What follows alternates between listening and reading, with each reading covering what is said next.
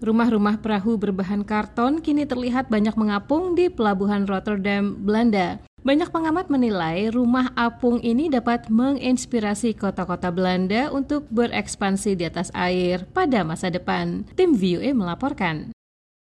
Orang-orang menamakan rumah terapung kecil itu wickle boat atau wrap boat.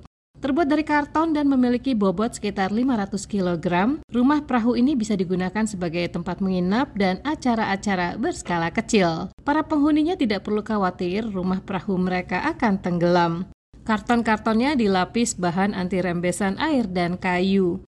Segmen-segmen bangunannya modular sehingga bisa diperluas atau dipersempit sesuai kebutuhan. Bahan kartonnya beragam, termasuk yang bisa menahan panas atau kedap suara.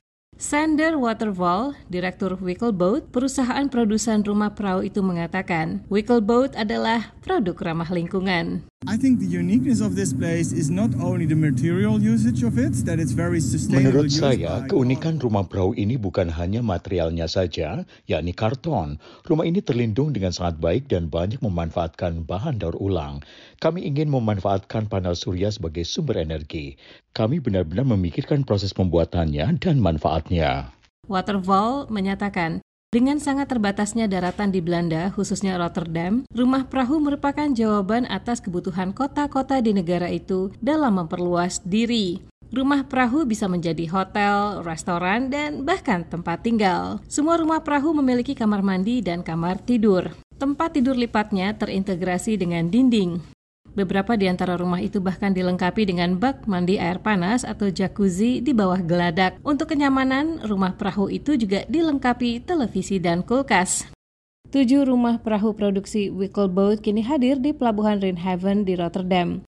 Dua lainnya mengapung di sungai Dize di kota Bosch. Luasnya masing-masing 32 hingga 42 meter persegi dan bisa menampung 4 hingga 6 orang.